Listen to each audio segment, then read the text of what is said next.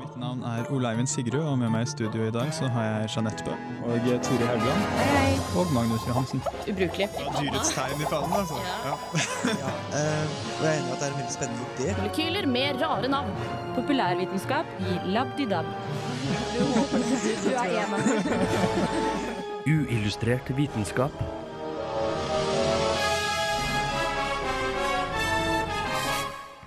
Ole Eivind har vært med å arrangere kritisk masse i Oslo. Og i ukas sending av Uillustrert vitenskap skal vi få høre litt av hva som skjedde der. Vi kommer også til å ta for oss lekre romskip, kolonier på Mars og mye annet moro i universet.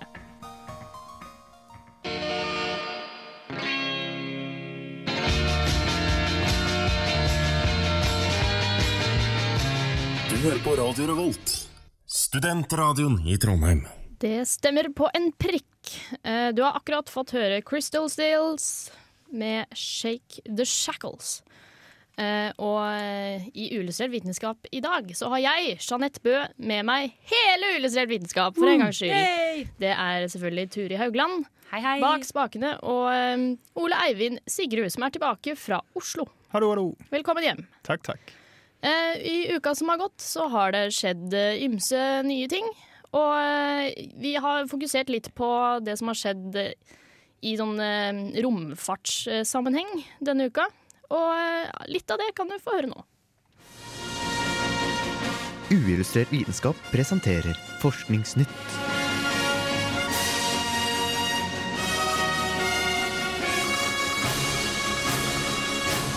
Forskningsnytt. This is our most desperate hour. Help me, Obi-Wan Kenobi. You're my only hope.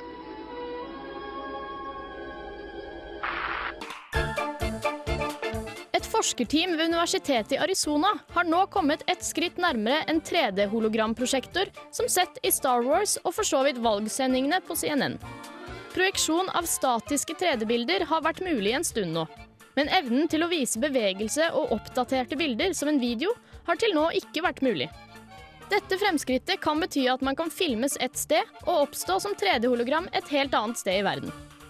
Nå er ikke akkurat teknologien helt der enda, siden hologrammet fremdeles er inni en boks. Men som sagt, ett skritt på vei. NASA ser etter en måte å komme seg til verdensrommet på uten å bruke de store og klumsete rakettene. Fartøyet NASA ønsker seg, er et lekkert, lett og gjenbrukbart fly som kan reise i en fart på over fem ganger lydens hastighet, og skal dermed investere fem millioner dollar i året de neste tre år for å få ønsket sitt oppfylt. Om utviklingen av denne teknologien er vellykka, vil det være et stort sprang framover for å transportere større nyttelast.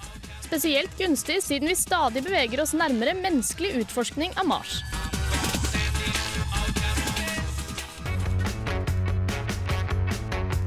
For 60 år siden foreslo Werner von Braun å kolonisere Mars. Nå har forslaget blitt lagt på bordet igjen av Dirk Schulz og Paul Davies. De har foreslått å sende en gruppe mennesker til Mars for å bo der resten av livet for å etablere en permanent koloni. Der vil de få utstyr til å dyrke sin egen mat og klare seg selv, og må dermed ha en slags interplanetarisk jernbane mellom Mars og jorden. Schulz og Davies sier at det er mange grunner til at en menneskelig koloni på Mars er ønskelig, både vitenskapelig og politisk. Det er heller ikke mangel på frivillige, sier de. Vi får hele tiden mail av folk som vil dra. Uillustrert vitenskap. Radio Revolt. This is Charles L. Bennett from Johns Hopkins University. Science, it works, bitches. Der hørte du The Left med The Melody. Og før det så hørte du meg igjen, som presenterte Forskningsnytt. Eh, og første nyheten jeg kom med, var jo den 3D-hologramsaken, som jeg var kjempebegeistra over da jeg først eh, leste nyheten. Ja, det virket ganske kult. Ble mindre begeistra ettersom jeg leste artikkelen, fordi eh, teknologien befinner seg jo fremdeles inne i en boks. Så for å få den her praktiske figuren av en kamerat du skal snakke med på andre siden av jorda, så må du ha masse stort Hva er det sånn? En, en stor form som han kommer inn i. da En sånn TV, gigantisk TV-skjerm. Da kan det se litt realistisk ut. Men jeg vil, ha, jeg vil ha han bare dukkende opp på bordet. Litt sånn tilfeldig. Å, nå trenger jeg et hologram her på bordet. Og så kommer jeg. Men det, det er det ikke, da. Men de er et skritt på vei, som sagt. Yay!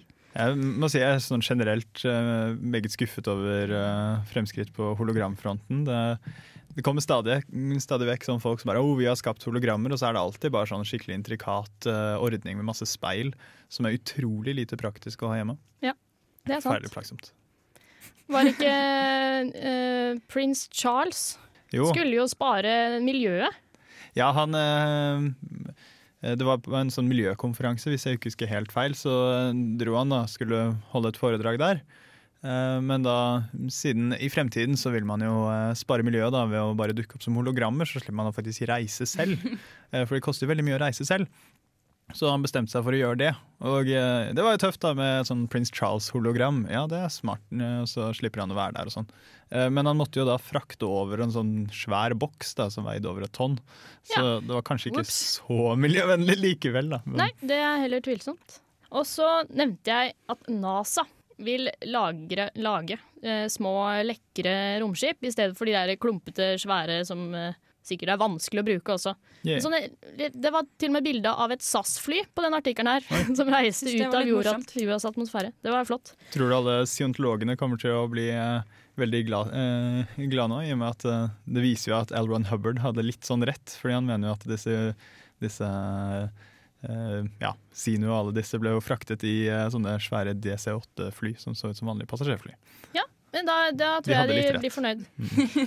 Uh, og de her skal uh, reise i minst fem ganger uh, lydens hastighet. Det vil si fem makk, blir det ikke det? Mm, Mach 5. Ja. og det, det, kalles også hypersonisk fart. Oh. Ja. Høres kult ut. Fun fact. Betyr det at vi kan reise også, da? Eller er det mer ja. tilgjengelig ja, de tenker først og fremst på å frakte masse ting mest effektivt, men også folk. Så det er ikke romturisme ennå? Nei, det er vel ikke det de tenker på først og fremst, men det, det gir jo absolutt mulighet til det også. Eh, I og med at de satte det SAS-flyet på, på, det ja, bildet, så antar jeg at sånn. det vil være mulig. Ja. Men fordi vi har, eh, vi har, sett sånne hypersoniske konsepter eh, tidligere. Det var eh, DARPA. Det er et sånn eh, etat under eh, Forsvarsdepartementet i USA. Mm -hmm. De skulle lage en, de, eller de har lagd en sånn dings, en trekant som skulle jeg vet ikke hva det var, men eh, som skulle fly i 20, 20 ganger lydens hastighet. Oh. Den testa de ut. Den virka i ni minutter, til de mista signalet. Så mm. de har jo litt uh, jobb for, foran seg. Det her, var, det her var brukt i noen angreps... De skulle angripe noen uten å, uten å gi noe forvarsel på noe vis. Var det ment for, da. Så det, var, det gjorde kanskje ikke noe at det var ikke virka. Nei, kanskje litt greit. ja. Og så er det Mars, uh, Mars uh, ja, Den likte jeg godt. Ja, den er, den er, flott. Hvem skal vi sende til Mars? Ja, men jeg lurer på, De, de har fått masse mail fra folk som 'jeg vil'. Jeg vil dra! Så det var jo ikke noe mangel på det. Men hvem, hvem er de stakkars folka som er så jævlig lei jorda? Nei, fuck it. Drar til Mars alene og blir der resten av livet. Hvis jeg var døende, være... så ville jeg veldig gjerne stikke til Mars. Bare sånn, Så kan jeg dø der. Men, men, må... uh, men, det er ikke så veldig interessant å sende bort døende folk. Man vil jo kanskje heller ha unge, friske folk som kan etablere en liten Ikke i første omgang, faktisk. Uh, de fokuserer mest på uh, folk i 50-60-åra. Helt i starten, Hæ? for å teste ut pga. radioaktiviteten i verdensrommet. Aha. Som gjør at ja, som skader livmor og sånn, tror jeg det gjør. Det er vanskelig for barn hvis ja. du driver og henger i radioaktive miljøer. Så de to første som drar, blir så å si forsøkskaniner? Ja. 50 år gamle forsøkskaniner ønsker, vi, ønsker de nå først. Så, så send, send, en mail. Men eh, ja, fordi der skal de jo eh, lære å dyrke ting selv. Og eh, Turi, du har jo litt peiling på jordbruk utenfor jorda. Ja. Eh, det er da eh, noen i USA som har eh, lagd en prototype av et drivhus som da kan tas med til månen og Mars, blant annet. Og det er veldig fancy og morsomt, dette drivhuset. Det er jo sammenleggbart, ikke så veldig stort, så du kan ta det med egentlig overalt. Hm. Så liksom kaste det ut. Dere vet disse Ikea-teltene, ikke sant? Ja, ja. Du kaster det ut, og så popper det opp. Eh, og så er det masse frø inni, og kjølelamper. Eh, og så kan du da i løpet av ti minutter Kjølelamper? Nei, altså det var lamper som skulle Vannkjølende lamper. Aha, okay. Vannkjølende lamper. Eh, så hele greia er at uh, du kan sette opp hele dette systemet i løpet av ti minutter. Du trenger ikke, det trenger ikke mye tilsyn. Eh, det går stort sett av seg selv. Og det er da algori innebygde algori algoritmer som da skal optimalisere et økosystem inne i drivhuset. Så i løpet av en måned så skal du allerede ha grønnsaker, da. Så kjekt. Ja. Yes. Jeg syns det hørtes veldig praktisk ut. Men uh, før man tar, uh, tar drivhuset under armen og går til månen, så må du jo ha sett universet i et uh, litt perspektiv, sånn uh, målestokkmessig. Ja, eh, Skal jeg forklare litt om det, kanskje? ja, gjør det. Ja. det er jo veldig eh, eh, mye som blir målt eh, nå for tiden, og vi vet jo sånn cirka hva en meter er. Men eh, når vi snakker om universet, så blir det plutselig flere lysår og flere tusen lysår. Og mennesket i seg selv, har jeg i hvert fall hørt, har jo problemer med å oppfatte ting over ja, kanskje 10 000. Over en kilometer har jeg Det, det problemer med. sier, det sier Ja, det sier sånn. Du klarer på en måte ikke skille veldig stor forskjell på f.eks. 1000 og 10 000 og 10 000 og 100 000. Det har vi problem med. Ja. Eh, Så når det da blir snakket om tusenvis av lysår, så blir det jo veldig vanskelig å liksom skjønne da hvor stort egentlig universet er. Så det jeg lagde da, var på en måte en sammenligning. Jeg lagde en målestokk som starter da på en meter og bygger seg videre oppover utover universet. Og til slutt så ender det da opp på hvor langt vi faktisk har klart å måle da hele universet. Ja, men da syns jeg vi kan få høre en innføring i målestokk av Turi. Turi. Én til ti meter. Mennesker og de fleste hverdagslige objektene vi omgir oss med, stort sett alle landbaserte dyr, inngår også her. Sjiraffen er den høyeste, på mellom 4,8 og 5,5 meter. 10 til 100 meter. Blåhvalen kan bli opptil 30 meter. Botleisormen er det lengste dyret vi kjenner til, hvis et eksemplar på 55 meter blir skylt opp på kysten av Skottland.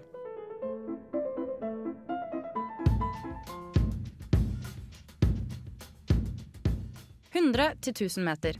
Høyeste tre er på 112 meter. Pyramiden i Giza var i sin tid høyeste bygg på 146 meter. Høyeste bygning i dag er Burj Khalifa i Dubai på 828 meter. 1 til 10 km. Høyeste fjell er Mount Everest på 8,8 kilometer. Dypeste minen er i Sør-Afrika på 3,6 kilometer og kalles Tautona. 10 til 1000 km. Den teoretisk høyeste bygningen vi kan få ut av materialer i dag, er på 18 km. Det dypeste punktet i Stillehavet er på 11 km. I USA er definisjonen på en astronaut en person som har reist mer enn 80,5 km over jordas overflate.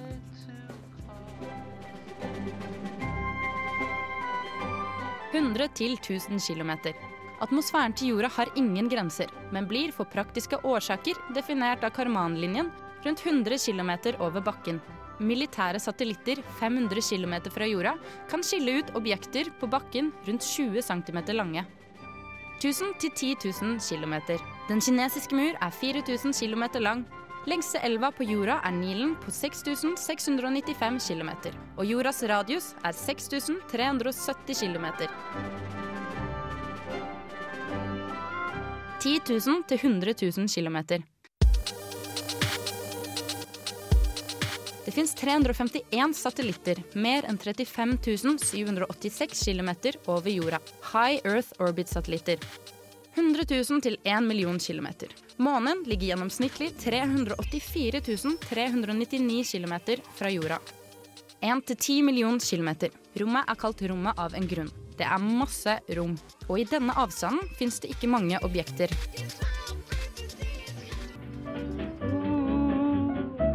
What a little moonlight can do. 10-100 millioner kilometer. Etter månen er Venus nærmeste objekt, på sitt nærmeste 40 millioner kilometer unna. 100-1000 millioner kilometer. Venus, Mars og Merkur ligger i dette området. Sola ligger gjennomsnittlig 150 km fra jorda, en astronomisk enhet. Jupiter ligger 778 millioner kilometer fra sola. 1-10 milliarder kilometer. Saturn ligger 1,4, Uranus 2,18 og Neptun 4,5 milliarder kilometer fra sola. 10-100 milliarder kilometer. Grensen på solsystemet kan måles etter en sfære rundt systemet bestående av hydrogen og helium. Gassene er forskjøvet dit av solvind. Her sier vi farvel til solsystemet og beveger oss nå rundt i Melkeveien, vår egen galakse.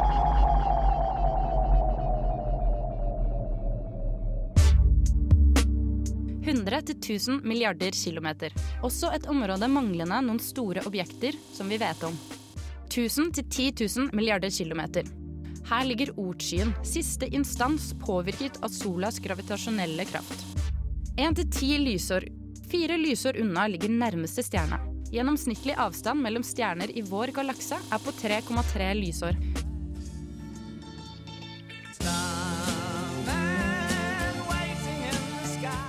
Ti til 100 lysår.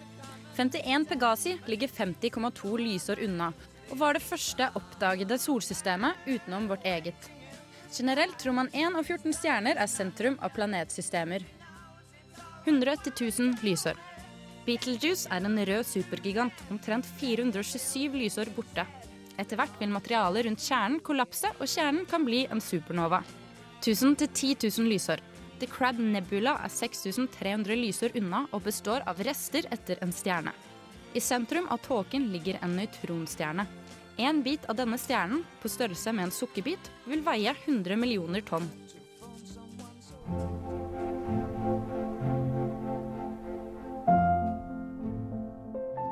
«10 000 til 100 000 lysår. Galakser er 10 000 lysår på tvers. Melkeveien er mellom 8 og 10 ganger større. Vårt solsystem ligger 26 000 lysår fra Melkeveien senter, noe som er greit, ettersom det består av et svart hull kalt Sagittarius A. Melkeveien er en flatisk 100 000 lysår på tvers og gjennomsnittlig 1000 lysår tykk. Den er spiralformet med fire hovedarmer og omgis av en sfære kalt helo. Solsystemet vårt ligger på en mindre arm i galaksen kalt Orion. 100 000 til 1 million lysår. Haloen som omslutter Melkeveien, er 200 000 lysår på tvers og har få stjerner i seg. 1 million til 10 millioner lysår.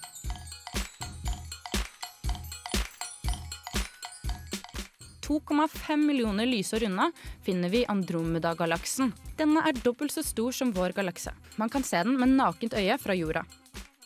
10-100 millioner lysår. Melkeveien og Andromeda-galaksen tilhører den lokale gruppen, en galaksehop. Den er 10 millioner lysår på tvers og inneholder ca. 40 galakser. Virgo-hopen er den nærmeste galaksehopen, 60 millioner lysår unna senteret av den lokale gruppen. 100 til 1000 millioner lysår. Galaksehoper som Virgo-hopen og den lokale gruppen grupperer seg i superhoper. Den lokale gruppen tilhører Virgo superhop. 200 millioner lysår på tvers. Koma superhopen er 300 millioner lysår unna.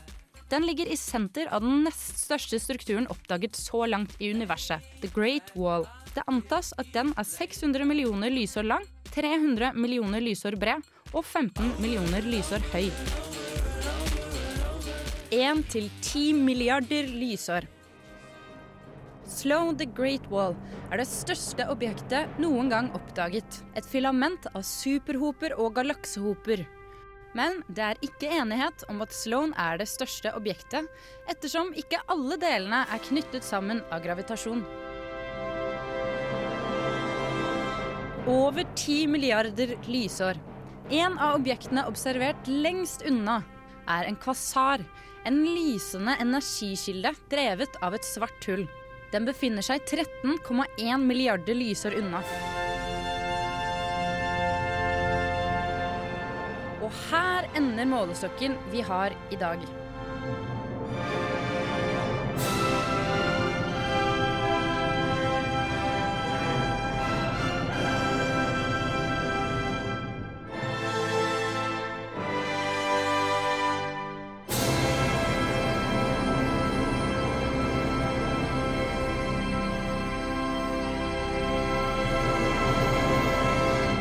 Radio Revolt. Eh, Ole Eivind, Ja. du har eh, arrangert, eh, vært med å arrangere Kritisk masse i Oslo, som jeg sa. Hva hva er det? Det er en uh, skepsiskonferanse. Det er Norges første skepsiskonferanse. Eh, de som har lyttet til oss før, har jo fått med seg at jeg har stukket til London på noe som kalles Tam London da, i år og i fjor. Og ja, da vi var der i 2009, så var det fryktelig andre, mange andre nordmenn. og da satt eh, tre av oss ned og kommenterte det, at det var jo utrolig mange nordmenn, så kanskje det var interesse for å ha noe sånt i Norge. Og så balte på seg der, da, så fant vi ut at nei, vi skal arrangere vår egen. Eh, Så det der er egentlig en feiring av eh, ja, vitenskap og kritisk tenkning. Prøver å eh, spre skepsis litt til flere folk, gjøre det litt mer tilgjengelig. Og så selvsagt eh, skal det være gøy da, for oss som holder på med sånt til daglig. Ja, Men eh, var det vellykka nå, første gang? Ja, nei, eh, vi føler jo at det gikk eh, fryktelig bra. Det var eh, Ja, vi hadde jo utrolig mange gode talere. Og det var mange oppmøtte, og ja, alle tilbakemeldingene vi har fått så langt, har vært svært positive. Så det ga mersmak? Det er noe som skal skje oftere? Ja. Nei, vi kommer til å arrangere dette hvert år, det er planen. Ja. Så Kritisk masse 2011 er neste. år. Bra. Kan du gi, gi oss noen eksempler på hva det var som skjedde der? Ja, eh, det begynte jo med en eh, paneldebatt på fredagen da, om eh, forskningsformidling i media. Og så fortsatte da på hoveddagen på lørdag. Der var det en lang liste talere, eh, Asbjørn Dyrendal og Simon eh, som vi har hørt fra her i programmet tidligere. Um, og eh, ja, det gikk mye på eh, kritisk tenkning og skepsisrelaterte temaer som alternativ medisin og konspirasjoner og slikt. eh, Og så mye ren populærvitenskap, da. Vitenskapsformidling. Uh, Så um, var det ja, på noe underholdning og slikt også, da, selvsagt. Uh, Med Andreas Wahl her fra Trondheim. Jaså? Eh, Drev et sånn vitenshow. Fryktelig artig. Eh, Så hadde vi en eh, ja, litt eh, tilsvarende, men da kortet ned dag på søndag med masse lynkurs da innen forskjellige skepsistemaer og populærvitenskap. Og rasende festlig å være med. Så I tillegg så får de jo da selvsagt truffet eh, veldig mange andre skeptikere, og det er alltid gøy. Ja, du har jo intervjua et par mannfolk. Eh, Hvem var det? Ja, nei, jeg begynte med ja, det aller siste ved konferansen. Det var en debatt om eh, trenger vi mer eh, mer forskning på alternativ medisin. Og eh, Der var det da en som heter Vinjar Fønnebø eh, og Christian Gundersen ja, og et par andre som møttes til debatt. De to fikk jeg intervju med da, som ja, slags oppsummering av debatten. Ja, men Jeg syns vi skal få høre det intervjuet etter Fatboy Slim med Long Haired Freaky People.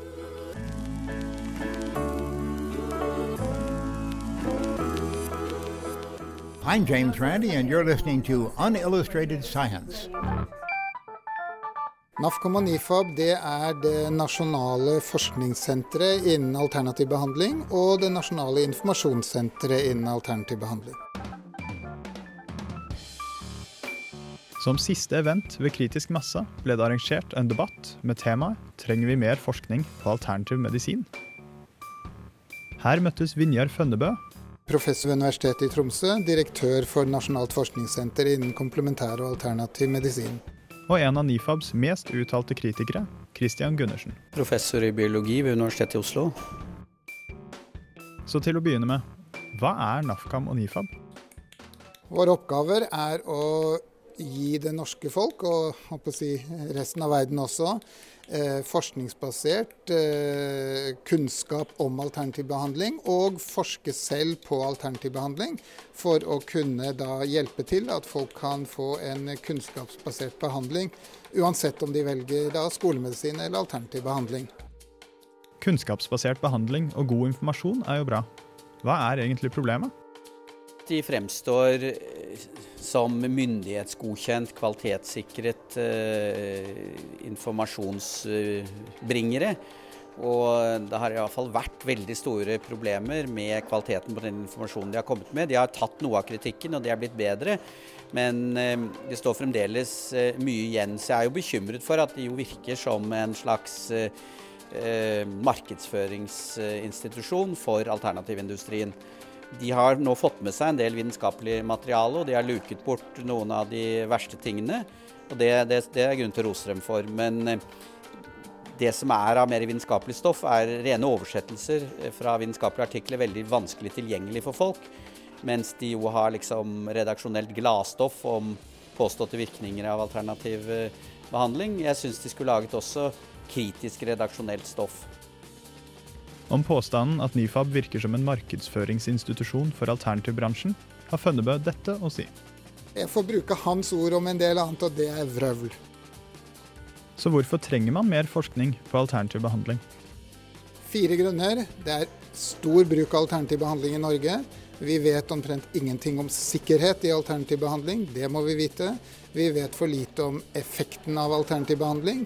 Og den forskningen som har vært gjort til nå innenfor alternativ behandling, eh, har til dels alvorlige mangler, både vitenskapelig, forskningsmessig og klinisk. Hadde det brukt, vært brukt vanlige vitenskapelige mål, så ville man sagt at nå har man holdt på så lenge med de aller fleste formene, og, og resultatene er såpass svake, i beste fall, eller, eller rent ut sagt helt negative, at hadde det, vært, hadde det ikke vært alternativ medisin, så ville man sluttet med det og forsket på noe som var mer fruktbart. Så Sånn sett så kan man vel si at det ikke trengs mer forskning på alternativ medisin. Christian Gundersen har også kritisert NAFCAM for deres såkalte mirakelregister. Hva er egentlig det? Eh, Det er noe som ikke eksisterer. Eh, Mirakelregisteret finnes ikke. eh, Men det er en betegnelse som noen kritikere bruker om noe som er et register over eksepsjonelle sykdomsforløp. Hvor vi på NAFCAM vi samler inn aktivt og prøver å få inn enkelthistorier fra mennesker som har brukt alternativ behandling, og som har opplevd en bedring som er eh, eh, mye større enn det de eh, ville få eller har fått innenfor skolemedisinsk behandling. Dette er viktig kunnskap som jo medisinen har vært tuftet på i alle år, nemlig at enkelthistorier, enkeltkasus, danner grunnlag for å danne eventuelle hypoteser om eh, virksomme behandlinger. Så det er ikke et mirakelregister, men det er et register over eksepsjonelle sykdomsforløp. Jeg tror ikke det, det har noen øh, verdi, og jeg tror det kan misbrukes. Eh, altså, det er klart det skjer jo mange usannsynlige ting hver dag. Og det, skjer også mange, det er også mange usannsynlige sykdomsforløp. Eh, og det da å registrere et, hva skal vi si, en mirakuløs bedring bare hos de som har vært i kontakt med en eller annen form for alternativ behandling, det kan jo gi inntrykk av at det er en årsakssammenheng, altså at det er behandlingen som har ført til miraklet. Men man måtte jo eventuelt hatt en form for kontrollgruppe, og da tror jeg man ville oppdaget at det var omtrent like mange mirakler hos folk som ikke hadde vært i kontakt med, med behandlere sånn som Snåsamannen og andre. Og det, det, er problemet, og det tror jeg eh, NAFKAM da, i Tromsø er klar over at det er en svakhet. Hvorfor de likevel gjør studien, det er litt uklart for meg. Jeg tror det er veldig lett å misbruke det. Jeg tror alternativindustrien kommer til å misbruke det for det det er verdt. De kommer til å se at her er en masse registrerte eksempler på mirakler. Men husk på at eh, f.eks. hver uke er det noen som vinner i, i pengelotteri, og det er også et mirakel. og Du kunne samle alle de, men, men hva vil vi egentlig lære av det? Svært lite, tror jeg.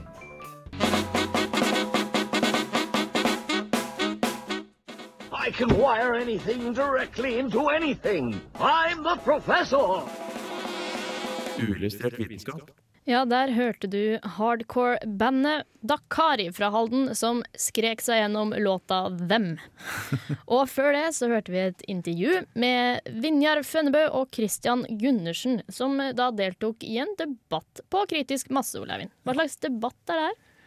Nei, eh, Bakgrunnen er en eh, debatt som har gått eh, ganske lenge nå om Nasjonalt informasjonssenter for alternativ behandling, og da også litt Nasjonalt forskningssenter for komplementær og alternativ medisin. Ehm, ja, NAFKAM, altså forskningssenteret, det har jo eksistert nokså lenge. Jeg mener det er fra sånn 2003 eller noe sånt nå. Men i 2007 så bestemte politikerne seg for at de skulle danne en informasjonskanal, NIFAB. Uh, tanken er at det er så mange som bruker alternativ medisin, eller alternativ behandling, at uh, ja, befolkningen trenger god, uh, nøytral informasjon som forteller dem hva er dette, hva, ja, hva gjør det, osv. Uh, og det kan jo vi skeptikere være helt enig i. Vi har jo lenge ønsket god, tydelig informasjon om hva er dette og funker det, fordi da svaret er jo stort sett nei. men så um, jeg vekte litt uh, oppsikt da, blant en del skeptikere med disse nettsidene. fordi de skriver veldig mye om uh, hva alle de forskjellige typer alternative behandlingene går ut på. Og der legger de jo frem teorien bak. Og det, det er jo for så vidt greit. Men uh, det, ingen, det, var ingen sånn tydelige steder der det sto om det fungerte eller ikke. det var det ikke så god informasjon om. da. og så så man alle de nyhetene som ble publisert da, på den siden, var alltid sånn positive studier som fant ut at uh, akupunktur fungerte mot det, og akupunktur fungerte mot det. Mens alle de utallige negative studiene de uh, dukket jo stort sett ikke opp. Uh, så dette toppet seg da i 2009, da, da jeg tror det var et sett med 15 eh, forskere som var medisinere og biologer fra UiO og NTNU. med en haug med andre professorer som skrev seg på i støtta. Eh, var et sånt offentlig eh, bekymringsbrev da, eh, til departementet om Nifab og om den informasjonen de formidler der. Og etter det så har de faktisk blitt veldig mye bedre. De har fjernet en del av de mer sånn hårreisende påstandene. Det sto jo blant annet før sånn om homeopati, så kom de med den der klassikeren. Ja, det kan hende man føler en forverring etter man har tatt homeopatisk middel, men det er jo bare et tegn på at medisinen fungerer. Å. Uh, ja, sånne type ting. Så det er en god del sånne helt hårreisende påstander som sto der, som har blitt fjernet. Uh, og det er jo bra. Og så har de også lagt inn noen oversettelser av uh, Cochrane-konklusjonene, som da vurderer fungerer dette eller ikke. Eh, og de er jo stort sett negative, men, eh, men det er på en måte ikke helt tydelig nok ennå, da mener kritikerne. Eh, og så er det fortsatt litt sånn eh, litt selektiv informasjonsvalg, eh, hevder de, og eh, ikke så mye kritisk stoff. Eh, Men denne debatten var jo da veldig nyansert, fordi om spørsmålet trenger vi mer forskning på alternativ behandling, så kunne man jo gått den tradisjonelle veien og finne en eller annen crank av en alternativ behandler, og funnet en eller annen forsker eller skeptiker, og så la dem slåss. Og det hadde jo da vært mye hylling og skriking og argumenter her og der. Eh, Men man hadde jo ikke fått sånn forferdelig mye ut av det. Mens uh, Vinjar Fønnebø, han eh, er jo eh, han er jo saklig. Han, han eh, går jo helt med på at eh, homeopatiske midler har jo ingen effekt, og akupunktur mot det og det har jo ingen effekt. Eh, Så han kan man på en måte ha en fornuftig debatt, og der dukker det opp nyanser som eksempel eh, Mange av oss skeptikere da ville jo sagt at ja, det er jo godt demonstrert at dette ikke har noen effekt. Eh, Mens da de er ja, eh, det er godt demonstrert at f.eks. et homeopatpreparat ikke har noen effekt, men det å gå til en homeopat har jo en viss effekt. Um, så da kan man forske mer på den effekten. Um, noe ja, mange av oss kanskje ikke virker så fornuftig, fordi det er ikke akkurat veldig overraskende at det dukker opp en placeboeffekt ved å gå til en behandler. Men Nei. Men, men kom det fram noe, noe, noe fornuftig ut av den debatten her? Ja, eller det ble jo påpekt en del eh, andre sånne påstander på nettsiden da, som eh, han sa de skulle ta en nærmere kikk på. Og da regner jeg med at nettsiden der blir jo nok bedre etter hvert. De har jo allerede vist at eh, de går veldig med på saklig kritikk, da. Eh, men det er fortsatt en vei å gå, i min mening. Så må man jo også stille spørsmål med når staten ikke tilbyr dette på, eh, i sin offentlige helsetjeneste, i og med at det, det har jo ikke noe dokumentert effekt, eh, har egentlig staten et ansvar om å formidle informasjon om det da? Hvis Ja. det ikke på en måte bare er en veldig tydelig 'nei, dette funker ikke'. Det, det er et godt spørsmål. Men, men. Eh, han godeste Christian Gundersen kom jo også med en utfordring, som vi kommer til å få høre etter Cypress Hill med 'Hits From The Bong'. Ja, jeg eh, utfordrer eh, Snåsamannen, jeg, Joralf Gjerstad. Eh, Han mener jo at han kan lese kort med baksiden opp, og hvis han klarer det under kontrollerte betingelser, så skal jeg betale inn 100 000 kroner til Marte og Joralfs fond for handikappede i Snåsa. This is Alan Moore, and you're listening to Unillustrated Science. Ja, Snåsamannen, da håper jeg du hører på Radio Revolt. Fordi jeg er veldig spent på om han kommer til å ta den utfordringen. Det hadde vært morsomt. Ja. eh, jeg har ikke sånn forferdelig store forhåpninger om at han kommer til å ta den utfordringen. Fordi hver gang noen har hatt lyst til å teste ham, så har han jo sagt nei. Um, det virker litt som han vet at han ikke kommer til å bestå disse testene. Det er merkelig, det her. Ja. Um, men jeg håper jo virkelig han tar den. Fordi hvis han faktisk har de evnene, så hadde det jo vært utrolig kult å finne ut om, finne ut om det. da. Ja. Men hittil så kan vi jo bare anta at det har han ikke. Men eh, vi begynner jo å gå mot eh, slutten av sendinga, som dere kanskje ser på klokka. Eh, og da må jeg minne dere om at eh, dere må laste ned podkast på Mhm. iTunes og rate den eh, som pokker. Eh, da vil jeg takke for meg. Jeg heter Jeanette Bø, og med meg er Ture Haugland og Ole Eivind Sigrud. Ha det godt. Ha det.